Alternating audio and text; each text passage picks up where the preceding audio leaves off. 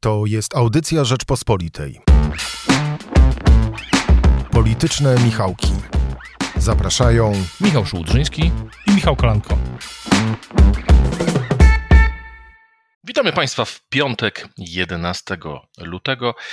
E, razem z Michałem Kolanko będziemy zastanawiać się dzisiaj, witaj Michale, Dzień dobry.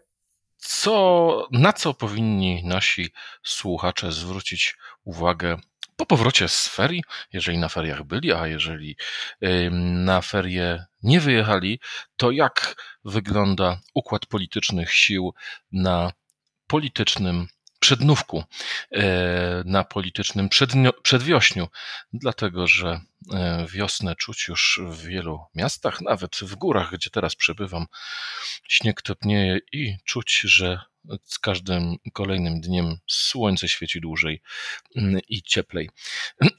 Więc zacznijmy może od tego, co powinien mm, przeanalizować, albo jaki punkt wyjścia e, w tym politycznym sezonie, w tym drugim semestrze em, już nie nauki zdalnej, jak obiecali e, ministrowie edukacji i ministrowie nauki i szkolnictwa e, wyższego oraz edukacji, e, że tylko tydzień nauki zdalnej dla tych, którzy teraz kończą ferie i już od 21 uczniowie będą uczyć się mm, e, w szkołach. Zacznijmy od Jarosława Kaczyńskiego. Jak to jest, Michale, że Jarosław Kaczyński czasami ma większość, a czasami jej nie ma? Czasami jest w stanie przepchnąć przez Sejm ustawę taką jak Lex Czarnek, która budziła wiele kontrowersji, została zawetowana przez Senat, ale szast prast e, Sejm odrzucił weto senackie, a w przypadku czegoś takiego jak na przykład Lex Kaczyński e, czy kilku innych głosowań to przegrał. A niektórych głosowań PiS przecież w ogóle woli nie przeprowadzać, e, jak to jest na przykład w przypadku immunitetu Mariana Banasia. PiS ma większość, nie ma większości, czy miewa? To jest bardzo, to jest pytanie, które powtarza się mm, w naszych, wszystkich, naszych ostatnich rozmowach przez ostatnie e, tygodnie i miesiące. Ja myślę, że najprostsza odpowiedź brzmi tak, że PiS ma większość do tego, żeby rządzić e, i przeprowadzać obronę swoich ministrów lub też e, takie projekty, które są nie budzą większych kontrowersji, natomiast większość do, do takich projektów bardziej kontrowersyjnych no, musi budować. To jest, myślę, najprostsza odpowiedź na to pytanie. No, oczywiście niczego nie y, do końca nie wyjaśnia, no bo to jest wszystko zależy od tego kontekstu i od też układu, układu sił. Ten Sejm jest cały czas Sejmem hybrydowym, to znaczy takim, w którym posłowie mogą głosować zdalnie, oczywiście, ym, jeśli są na kwarantannie lub są na są chorzy na, na COVID-19 lub na inną, inną chorobę. Ym, To jest też jedna, jedna rzecz. Y, Ja, ja sądzę, że s- oczywiście no jest, jest jedno głosowanie, którego PiS e, nie będzie mógł tak łatwo uniknąć, e, bo te głosowania, których e, rzeczywiście jest jakieś ryzyko, że będzie kryzys polityczny po tym, jak e, zostanie przegrane, no to PiS odsuwa. No ale nie będzie w stanie odsunąć głosowania w sprawie komisji śledczej. A w tym tygodniu opozycja mm, się porozumiała, była taka wspólna konferencja. No i e, wydaje się, że Paweł Kukiz dał miesiąc Prawo i Sprawiedliwości na przegłosowanie tego, znaczy na pró- próbę głosowania tego wniosku. Nie znam, nie znam oczywiście jego wyniku tego głosowania, no ale fakt, fakt faktem. Więc e, ja myślę, że mimo e, wielu różnych mm, deklaracji, oświadczeń, ja, ja bym postawił taką tezę, że taką większość, o jakiej mówimy, mówiliśmy wcześniej, PiS będzie miał aż do końca mm, kadencji, jeśli nie wydarzy się oczywiście nic nieprzewidz- nieprzewidzianego, jeśli nie będzie jakiegoś wewnętrznej frondy y, kolejnej, mm, to do obrony swoich ministrów, do takich podstawowych rzeczy, mm, które uniemożliwiłyby, znaczy do podstawowych rzeczy, które umożliwiają y, trwanie przy władzy, o tak bym to powie, określił, PiS większość ma. Jarosław Kaczyński i taką większość posiada. Trzeba, to trzeba, to można się porozumieć z Konfederacją na przykład, tak jak w tym tygodniu, przy wy- wyborze sędziego, y, wyborze nowego sędziego y, TK. No i wtedy no właśnie, bo tutaj mieliśmy, to, to było ciekawe głosowanie, dlatego że inaczej głosował Paweł Kukis i jego posłowie, a Konfederacja się podzieliła, ale wystarczająco, wystarczająco głosów dała PiSowi, żeby Bogdan Święczkowski no. został sędzią Trybunału. Oczywiście, ale takie na dłuższą metę takie głosowania sojusz z Konfederacją dla PiSu jest dużo bardziej kosztowny niż sojusz z Pawłem Kukizem. Z Pawłem Kukizem jak na razie, do przynajmniej do pojawienia się kwestii komisji śledczej, to ten sojusz kosztowny specjalnie nie był. Obie strony, obie strony go realizowały i było politycznie oczywiście mm, barwnie, jak to z Pawłem Kukizem, ale było mm, dosyć, dosyć sprawnie to szło. Natomiast teraz oczywiście sytuacja się trochę zmienia. Jeżeli mówimy już o Jarosławie Kaczyńskim, czy Twoim zdaniem on pozostanie w fotelu e, wiceprezesa Rady Ministrów, czy też, e, tak jak obiecał jakiś czas temu, zrezygnuje z tej funkcji? No to jest kolejne ważne pytanie na tym politycznym przedwiośniu, na tym, kiedy, kiedy zaczyna się, zacznie się na chwilę nowa nowa, znaczy no, na politycznym przedwiośniu. Ja myślę, że im bardziej ta sytuacja polityczna, geopolityczna jest napięta, tym trudniej jest Słowi Kaczyńskiemu odejść z rządu. No, ze względu na taką symbolikę tego wydarzenia. Natomiast z drugiej strony jest też tak, że Prawo i Sprawiedliwość jako partia, tak jak się słyszy, jak się porozmawia z politykami PiSu, no to oni wprost mówią, że no widać tam sygnały, że potrzebna jest uwaga prezesa Kaczyńskiego i potrzebne jest to, żeby skupić się na tej partii przygotowaniu do wyborów, no bo jest, y, za chwilę właśnie zacznie się wiosna, miejmy nadzieję, no i wtedy, wtedy w zasadzie, y, no i wtedy to myślenie, myślę, tak myślę, przepraszam, myślenie o wyborach y, i samorządowych, i parlamentarnych zacznie się na dobro, no i już tak naprawdę trwa, jak tak rozmawiam z politykami Prawa i Sprawiedliwości, nie tylko z politykami opozycji, z samorządowcami, ogólnie to jest y, takie, zaczyna się takie poczucie, że no, trzeba myśleć o wyborach już naprawdę, a nie tylko się nad tym zastanawiać publicystycznie. No i to jest też oczywiście istotne. E, skoro mowa o wicepremierze, jaka jest sytuacja premiera? E, doszło do odwołania bardzo zresztą ciekawej konstrukcji, to znaczy e, rzeczniczka Prawa i Sprawiedliwości poinformowała opinię publiczną, że władze PiS przyjęły dymisję ministra Kościńskiego, który wziął na siebie e, ten wielki sukces, jakim jest polski ład. Czy to osłabia pozycję mm, Mateusza Morawieckiego i czego on się powinien na tym e, politycznym przedwiośniu obawiać? No, myślę, że wszystko wiele zależy od tego, kto będzie następcą lub następczynią pani, pana ministra Kościńskiego. E, rzeczywiście formuła, o której mówisz, no jest dosyć niecodzienna, no ale do takich niecodziennych formuł e, deklaracji się już przez te ostatnie 7, zabrzmiałem trochę premier Szydło, e, przez 7 ostatnich lat, 8, e, 7, przepraszam, przez 7 ostatnich lat się... Polki i Polacy. Pol, Polki i Polacy przez 7 ostatnich lat przywykli do takich niecodziennych nieco formuł, ale mówiąc całkiem poważnie, no ja myślę, że pozycja premiera Morawieckiego um, jest oczywiście uzależniona od, przede wszystkim od tego, czy i jak będą, będzie dalej oceniany Polski Ład. Nie sądzę jednak, żeby miało to większy wpływ krótkoterminowo na jego pozycję. Ja myślę jednak, że pierwszy, bo dlaczego? dlaczego? Dlatego, że pierwszy, pierwszy ten, może nie wstrząs, ale ten pierwsza fala krytyki już poszła. Teraz jest naprawienie Polskiego Ładu. Kolejne, y, no i też są, oczywiście Polski Ład to jest dużo szersza rzecz niż tylko mm, kwestia podatkowa, no ale stało się najbardziej, są też kwestie inwestycyjne, widoczne w miejscowościach y, poza mm, miejscowościach, y, miastach inwestycje, które, tak jak ja obserwowałem, bo teraz przebywam poza Warszawą, jest w mniejszych miejscowościach, gdzie jest inwestycja, to widać taką tabliczkę z napisem na przykład sfinansowano z Rządowego Funduszu Inwestycji e, Lokalnych, do tego bardzo krytykowanego przez część samorządowców. Spodziewam się, że wkrótce będą takie tabliczki z polską flagą, oczywiście i polskim godłem, e, sfinansowane ze środków e, z Funduszu Polski Ład. takie rzeczy można dostrzec właśnie w mniejszych miejscowościach. Obecnie jestem w Polanicy Zdroju na Dolnym Śląsku i tam jest jedna inwestycja właśnie tak obrędowana, więc myślę, że długoterminowo, na dłuższą metę do losu premiera Morawieckiego polityczne i tak dalej będą po prostu zależne od wyniku wyborów.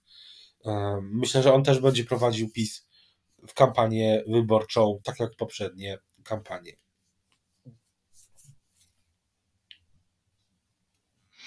Czy Twoim zdaniem to, o czym rozmawialiśmy w zeszłym tygodniu, czyli inicjatywa prezydencka dotycząca likwidacji Izby Dyscyplinarnej, która yy, teraz wprowadza nam kolejnych dwóch bohaterów, czyli Zbigniewa Ziobrę i prezydenta Andrzeja Dudę.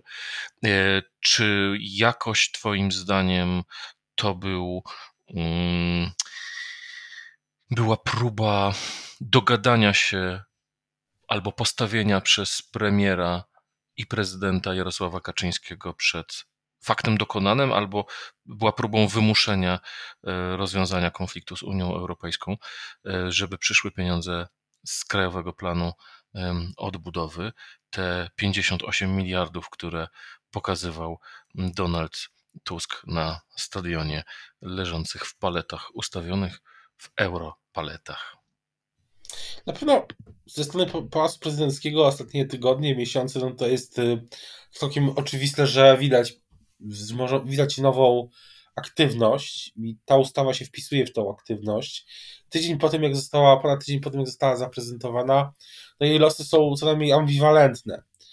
Bo z jednej strony zwróćmy uwagę na to, ja na to zwróciłem uwagę, że PiS y, oczywiście jest y, no, dosyć chłodny wobec tej ustawy i mm, europoseł prezes Partii Republikańskiej, bliski pracownik, bliski, jak to powiedział kiedyś Jarosław Kaczyński, przyjaciel Adam Bielan mówi o tym, że może w kontrze chyba, że jeśli dostaniemy pieniędzy, to się w ogóle wycofajmy z całego tego funduszu odbudowy, co w Brukseli, myślę, zostało przyjęte z pewnym zaskoczeniem, o, tak bym to ujął.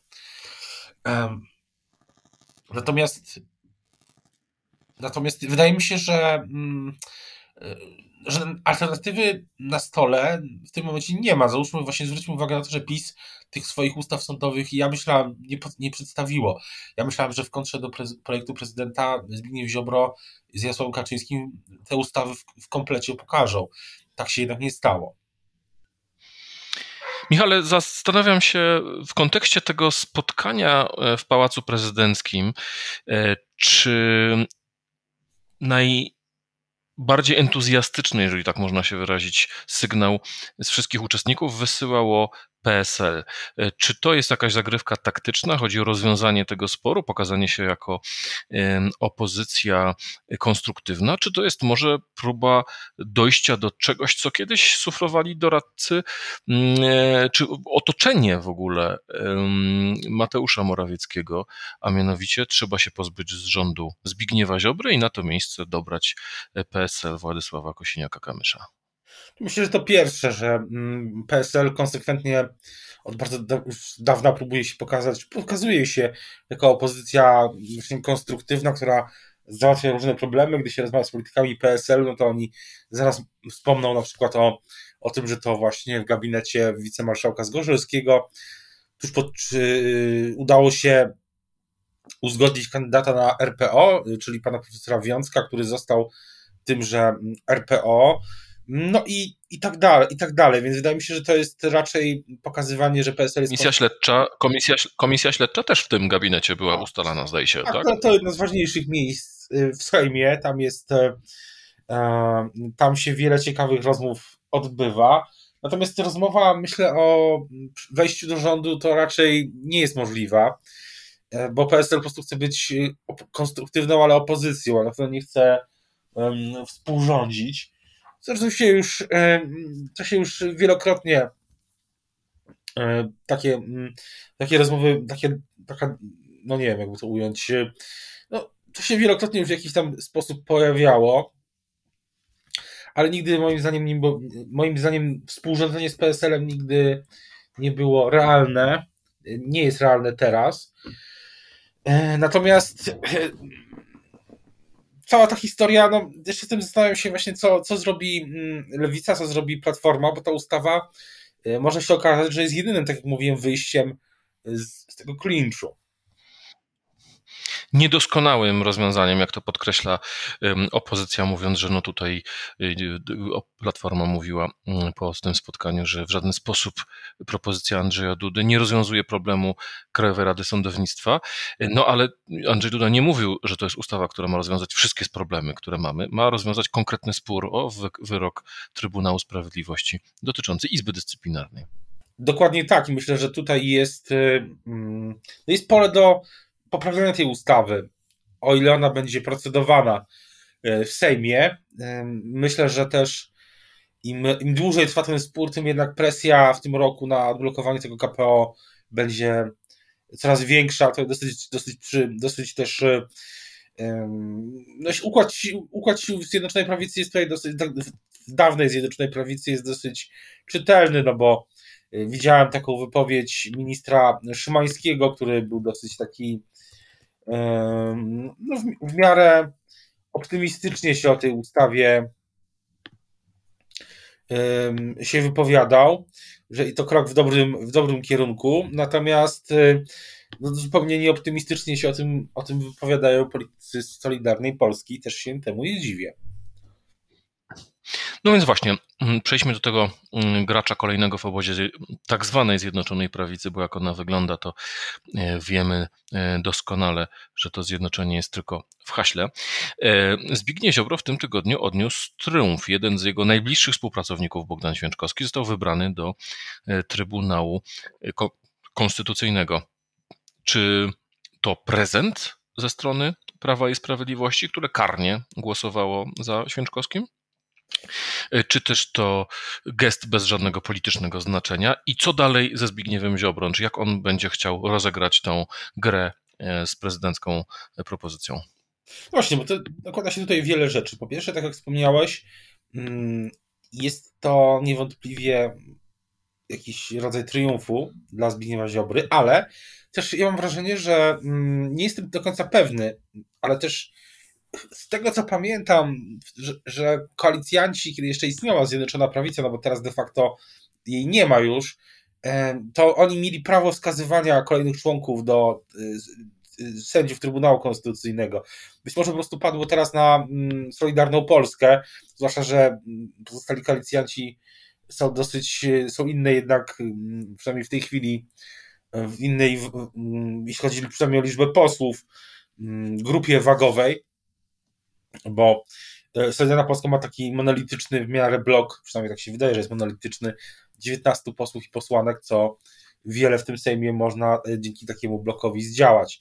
Więc ja nie wiem, czy to nie jest, o ile to jest triumf, a ile to jest po prostu e, no coś, co wynikało z tej umowy koalicyjnej, czy porozumień koalicyjnych, którejś tam kolejnej wersji. Natomiast na pewno mm, na pewno jest też tak, że to, to jest całkiem jasne, całkiem jasne, jasno mówią to politycy Zbigniewa Ziobry, że oni będą głosować przeciwko tej prezydenckiej ustawie. I to byłby, myślę, jednak chyba precedens, jeśli ona by przeszła przez Sejm, bo musiałoby się to stać, i to byłaby wtedy dosyć ważna ustawa, y, głosami opozycji, właśnie tego PSL-u. Natomiast ja nie uważam, żeby to znaczyło, że no, że, że właśnie akurat dzisiaj, w tej chwili jeszcze ten układ się zmieni, no bo tak jak mówiliśmy, umowa koalicyjna między, czy umowa między prezesem Kaczyńskim a Zbigniewem Ziobrą, no mogła po prostu e, obejmować to, że teraz kandydatem będzie, mm, będzie kandydat, y, czy teraz wskazany będzie kandydat przez Solidarną Polskę do Trybunału Konstytucyjnego, no i być może po prostu to widzimy teraz w tym tygodniu, że umowy zostały dotrzymane też w innych personalnych sprawach w ostatnich miesiącach, tam wiceministrów i tak dalej, widać, że PiS te porozumienia dotrzymuje. Tak jest przynajmniej do, do tej pory. To zostawmy w takim razie Zbigniewa Ziobrę, Mateusza Morawieckiego, który tuż przed tym, jak rozpoczęliśmy nagrywać nasz program, obiecał, że czternastki dla emerytów jednak będą, a może właśnie nie zostawiajmy tego. Czy to znaczy, że PiS zorientował się, że e, w sondażach znaczenie ma tylko i wyłącznie kwestia transferów socjalnych i brak czternastki, którą zapowiadał Jarosław Kaczyński, mm, która miała być już stałym świadczeniem dla emerytów, y, może grozić mm, spadkiem, trwałym spadkiem poparcia dla Prawa i Sprawiedliwości i czy kampania, która, no bo nie, nie, nie, nie mamy chyba wątpliwości, że jesteśmy już w okresie kampanijnym. Te półtora roku, które zostało do wyborów, będzie nieustanną kampanią, będzie właśnie polegała na y, takich działaniach jak właśnie trzynastki, czternastki i transfery socjalne? No myślę, że zwłaszcza jeśli chodzi o emerytów, bardzo ważną grupę wyborczą, bardzo też, znaczy emerytów, seniorów, bardzo ważna grupa wyborcza, która y, myślę jest y, no, istotna w tych kalkulacjach Prawa i Sprawiedliwości.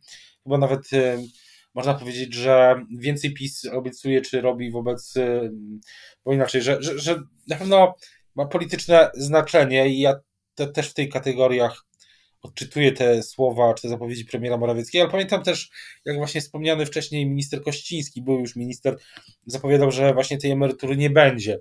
I wywołało to konsternację i odczytuję to też jako taką próbę, no, żeby naprawić ten, tamtą sytuację. PiS ostatnio jest w takim trybie, próbuje być w takim trybie Mm, skracania pewnych frontów, tak? Nie wszystkie się oczywiście udaje szybko skrócić, tak? No, wspomniana przez nas kwestia praworządności, relacji z Brukselą, KPO i tak dalej, i tak dalej. E, natomiast no, to, tam, gdzie się da, no to PiS próbuje te, te fronty skracać. No, była też, odnotujemy w tym, w tym, w tym tygodniu to, e, wypowiedź, czy wypowiedzi premiera Morawieckiego w Sejmie Komisji E, Komisji mm, Rolnictwa dotycząca cen nawozów, temat, który od wiele już miesięcy temu, czy od dawna podnosi Agrounia Michała Kołodziejczaka, która w tym tygodniu też miała takie dosyć spektakularne w swoim stylu e, demonstracje, blokady też w dużych miastach, co, co jest pewną nowością. Więc no, trwa takie, próba takiego skracania, gdzie, gdzie się da frontów, froncików, ale um, też, też w tym tygodniu była oczywiście deklaracja coraz śmielsze deklaracje o końcu pandemii, więc y, natomiast y, na ile to będzie skuteczne, no to pokaże dopiero, pokaże dopiero sama kampania, ten jej właściwa część, która tak sobie, ty mówisz, że będzie trwała nieustannie, ja się z tym zgadzam, ale taka najbardziej intensywna część, myślę, zacznie się w styczniu, lutym, dokładnie, dokładnie za rok, jeśli wybory będą w terminie. E, wspomniałeś Michała Kołodziejczaka i jego mm, agrounię. E, to może ten przegląd opozycyjny, który mm, i tego, z czym one wchodzą na, do przedwiośnia PSL-u, już powiedzieliśmy parę słów. E, najmniejszym, w sensie najnowszym, najświeższym graczem jest agrounia. Czy fakt, że Michał Kołodziejczyk był pod, Kołodziejczak mm, był podsłuchiwany Pegasusem, o czym mm, dowiedzieliśmy się tydzień temu, zeznawał przed komisją e, w tej sprawie senacką, czy to nadało mu takiej, nazwijmy to, politycznej wagi E, że jednak jest to zawodnik na tyle poważny, że rząd, y, no bo chyba nie mamy wątpliwości, że to polskie służby, a nie jakieś inne włamywały się na jego smartfona. No myślę, że Michał Kozieszek był poważnym graczem i przed tym i to jak y, i to, y, to co się wydarzyło na pewno dało mu po prostu takiej publicity tak zwanej, czyli po prostu mm, medialnego, więcej media się nimi interesowały. No i teraz te, te blokady, ta ewidentnie rząd premiera Morawieckiego jakoś próbuje na to wszystko e, reagować, no bo to jest też, też istotny komponent e, wyborców, to też jest istotne pole bitwy w kolejnych wyborach, tak?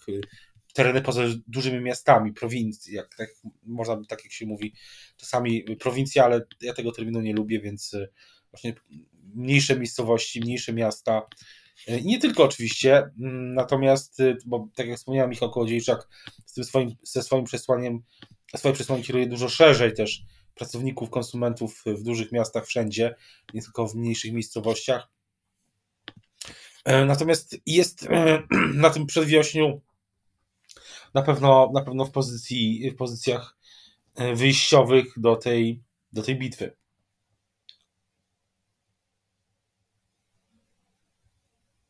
Najważniejszy gracz. Platforma Obywatelska. Yy, mamy pół roku ponad od mm, powrotu Donalda Tuska. I mam wrażenie, że Platforma, są, jest dwóch Donaldów Tusków. Przeczytałem jego książkę, z, rozmowę z Ann Applebaum, gdzie on bardzo ciekawie analizuje pewne zmiany, trendy społeczne, y, polityczne, pokazuje jak analizują wspólnie z Ann Applebaum, jak to się stało, że wyborcy, również prawicowi, odwrócili się od Donalda Trumpa i dali zwycięstwo Joe Bidenowi. Bardzo trafnie to e, analizują. Ostrzega e, Donald Tusk przed uprawianiem twitterowej polityki, która mm, bardzo banalizuje pewne sprawy, pewne problemy. Mówi o tym, że trzeba szanować wyborców, którzy kierują się e, ku partiom populistycznym, ponieważ te lęki są realne. Nie należy mm, e, odpuszczać samym populistom, ale ich wyborców trzeba jakoś przekonywać. A tymczasem mam wrażenie, że jak się patrzy na Twittera e, samego Donalda Tuska, to to jest zupełnie inna postać, realizująca kompletnie inną, właśnie czysto twitterową agendę polityczną. E, najświeższy przykład o idiotach, nie patriotach, e, cytuję, e, czyli o tym, jak PiS chce e, wyjść z Krajowego Planu Odbudowy, no jest chyba tego naj, mm, najlepszym przykładem, to znaczy jest to działanie na czystą polaryzację i mobilizację swojego twardego elektoratu. Czy twoim zdaniem PiS, Platforma ma pomysł, jak poszerzyć tą bazę? No pomysły, zarysy pomysłów yy, są. No też w tym, w tym roku był ten taki krótki objazd Donalda Tuska po spotkaniu z przedsiębiorcami. To wydawało się też takie trochę rozszerzające, ale, ale ja się z tobą zgodzę, że, że, jest, że ta polityka Donalda Tuska jest po prostu na tyle wielopłaszczyznowa, że czasami jest wrażenie, że, że to są, jest doktor Jekyll i Mr. Hyde. Ten klip, o którym mówisz, rzeczywiście wzbudził emocje i w bańkach jednej, drugiej na pewno też. Mm, bo pewnie politycy, bo politycy PiS też się do tego mm, odnosili, mm, krytykowali y, tenże, tenże klip.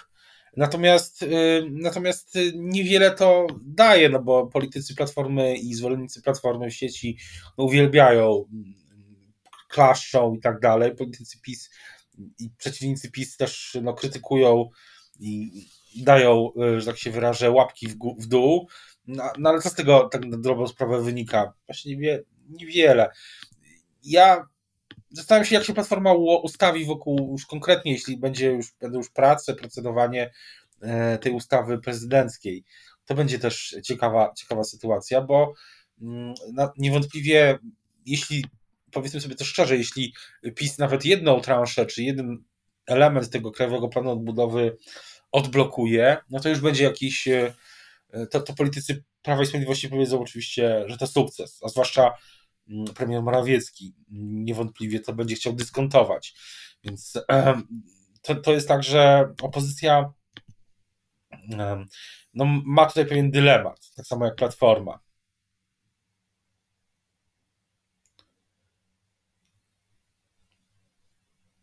Ale zostawmy jeszcze na boku e, kwestię KPO, o którym już e, sporo rozmawialiśmy.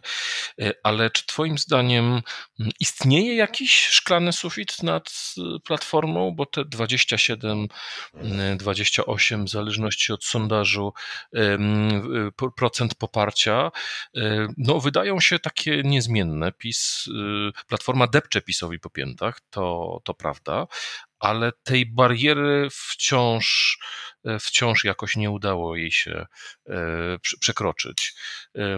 Badania socjologiczne to, to trochę było zamieszania w tym tygodniu, czy emeryci wierzą Tuskowi, czy właśnie nie chcą powrotu Tuska i tak dalej, e, ale, ale z, z badań rozmaitych, chociażby tych, które w Krynicy przedstawiał mm, Ibris i Marcin Duma, no, rządy Platformy nie kojarzą się Polakom po prostu dobrze. Czy to słuszne, e, czy to jest słuszny wniosek, e, czy słuszna, czy to się pokrywało z rzeczywistością, czy też jest to wytworzone później przez propagandę, to jest kwestia kompletnie nieistotna.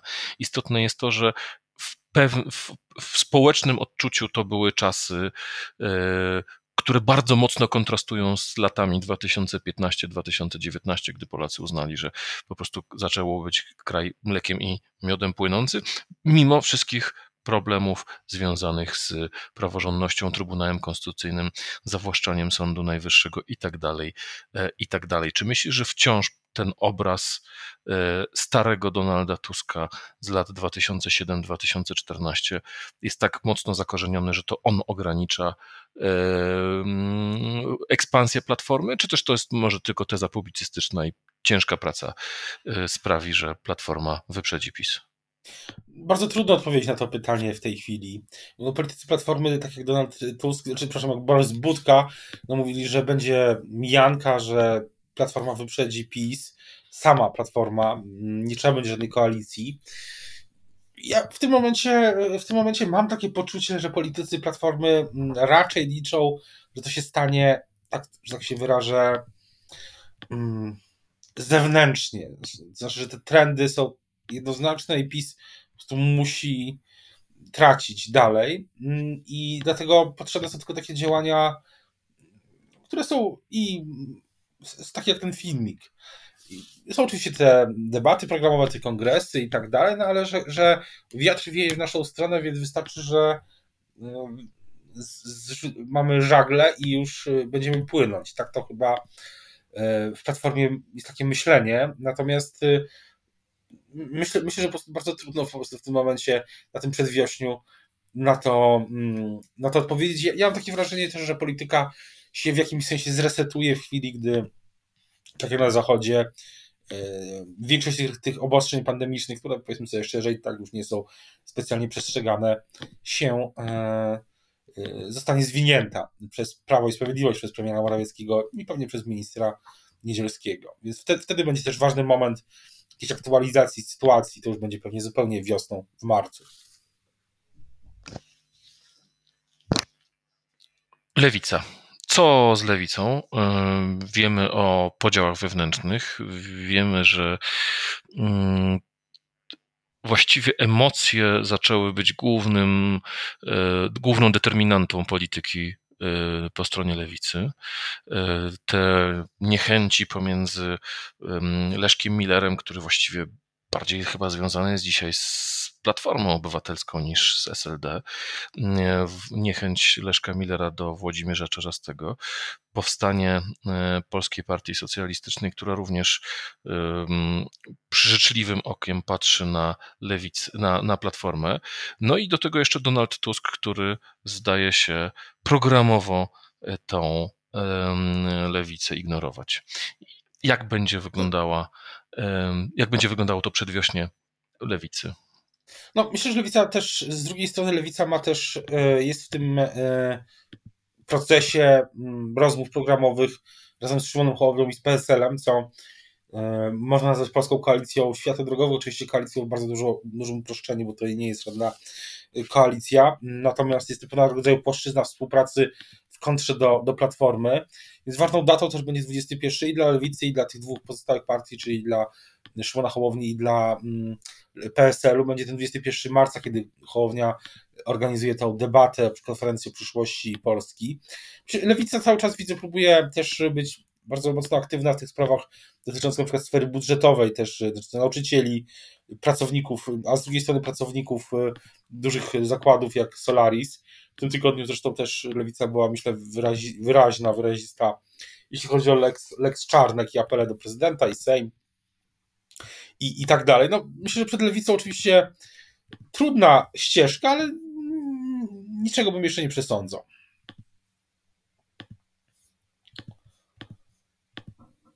Wspomniałeś y, Lex Czarnek. Jak myślisz, jak zachowa się prezydent w sprawie tej ustawy? No, mogę tylko powiedzieć to, co usłyszałem e, niedawno, jeszcze jakieś parę tygodni temu i co zresztą było w Rzeczpospolitej, że, że być może będzie tak, że prezydent wyśle część przepisów do Trybunału Konstytucyjnego i mm, tam trafią. No, weto byłoby, no, weto byłoby jednak w tym, w tym momencie, myślę, jednak jakimś zaskoczeniem, ale kto wie, co się tam, co się, co się wydarzy w Pałacu Prezydenckim, jakie będą reakcje też na to szybkie głosowanie w tej sprawie i na to, że mm, zobaczymy, zobaczymy też, czy, czy będą dalsze konsultacje polityczne w Pałacu i z kim. Y, została nam właśnie partia Szymona Hołowni do omówienia z tej części opozycji mm, liberalnej, nazwijmy to. Czy Twoim zdaniem Szymon Hołownia już złapał ten drugi oddech po przyjeździe E, Donalda Tuska. Początkowo e, zaczął pikować, e, potem odbudowywać zaufanie, ale w tej chwili no, sondaże nie są bardzo życzliwe dla, dla Szymona Hołowni. Już chyba nie ma sondaży, w których on by miał 15, 18, raczej oscyluje około 10, 11. Mm, czy odnajdzie się Szymon Hołownia w tej roli?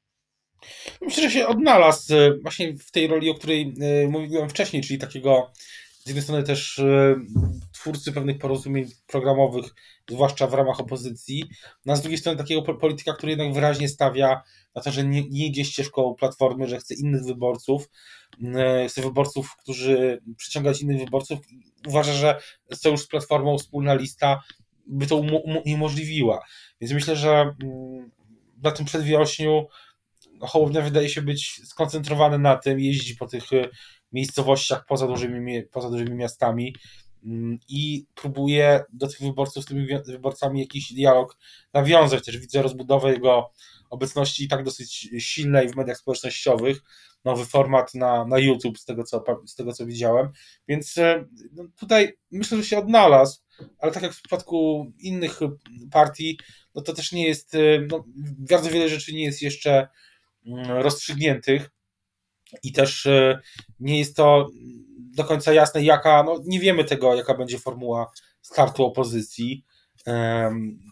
Politycy Platformy mówili cały czas, mówią o tej jednej liście. Szymon Hołownia tego nie chce, nie chce tego PSL, nie chce tego Lewica. Trochę nie ma, nie ma chętnych na taką, na przedwiośniu nie widać, żeby byli chętni do takiej wspólnej listy. Poza tym wspomnianym przez Ciebie mm, tą politykami tej Polskiej Partii Socjalistycznej, a w praktyce którzy, którzy tak się wydaje, że jedną listę chcą, a wiemy, co to oznacza po prostu, że będą na liście Platformy. No i zostaje nam jeszcze Konfederacja, która mam wrażenie też dostała pewnej zadyszki. W ostatnim sondażu mm, miała niecałe 7% Ibrisu dla Rzeczpospolitej, co no, jest poniżej oczekiwań tej partii. Ona uważa, że jej limitem e, to jest właśnie kilkanaście procent, a mm, minimum 10. E, co Twoim zdaniem będzie najmocniejszym czy najważniejszym tematem? Bo Konfederacja e, jako jedyna partia była konsekwentnie przeciwko polityce mm, rządu dotyczącej COVID-u. E, PiS tutaj był bardzo podzielony. Były, byli politycy, którzy szli ręka w rękę z Konfederacją, ale byli tacy, którzy mieli podejście znacznie bardziej, mm, w cudzysłowie użyję słowa sanitarystyczne. E, jak widzisz tematy, na których może grać Konfederacja. Czy to będzie właśnie wykonanie wyroku TSUE, czy to będą właśnie kwestie europejskie, e, czy kwestie mm, klimatyczne. E, no i nie zapominajmy, cały czas mamy to widmo e, rosyjskiej mm, agresji na Ukrainę. Mm, jak te tematy będą grały dla Konfederacji, czy przeciw niej?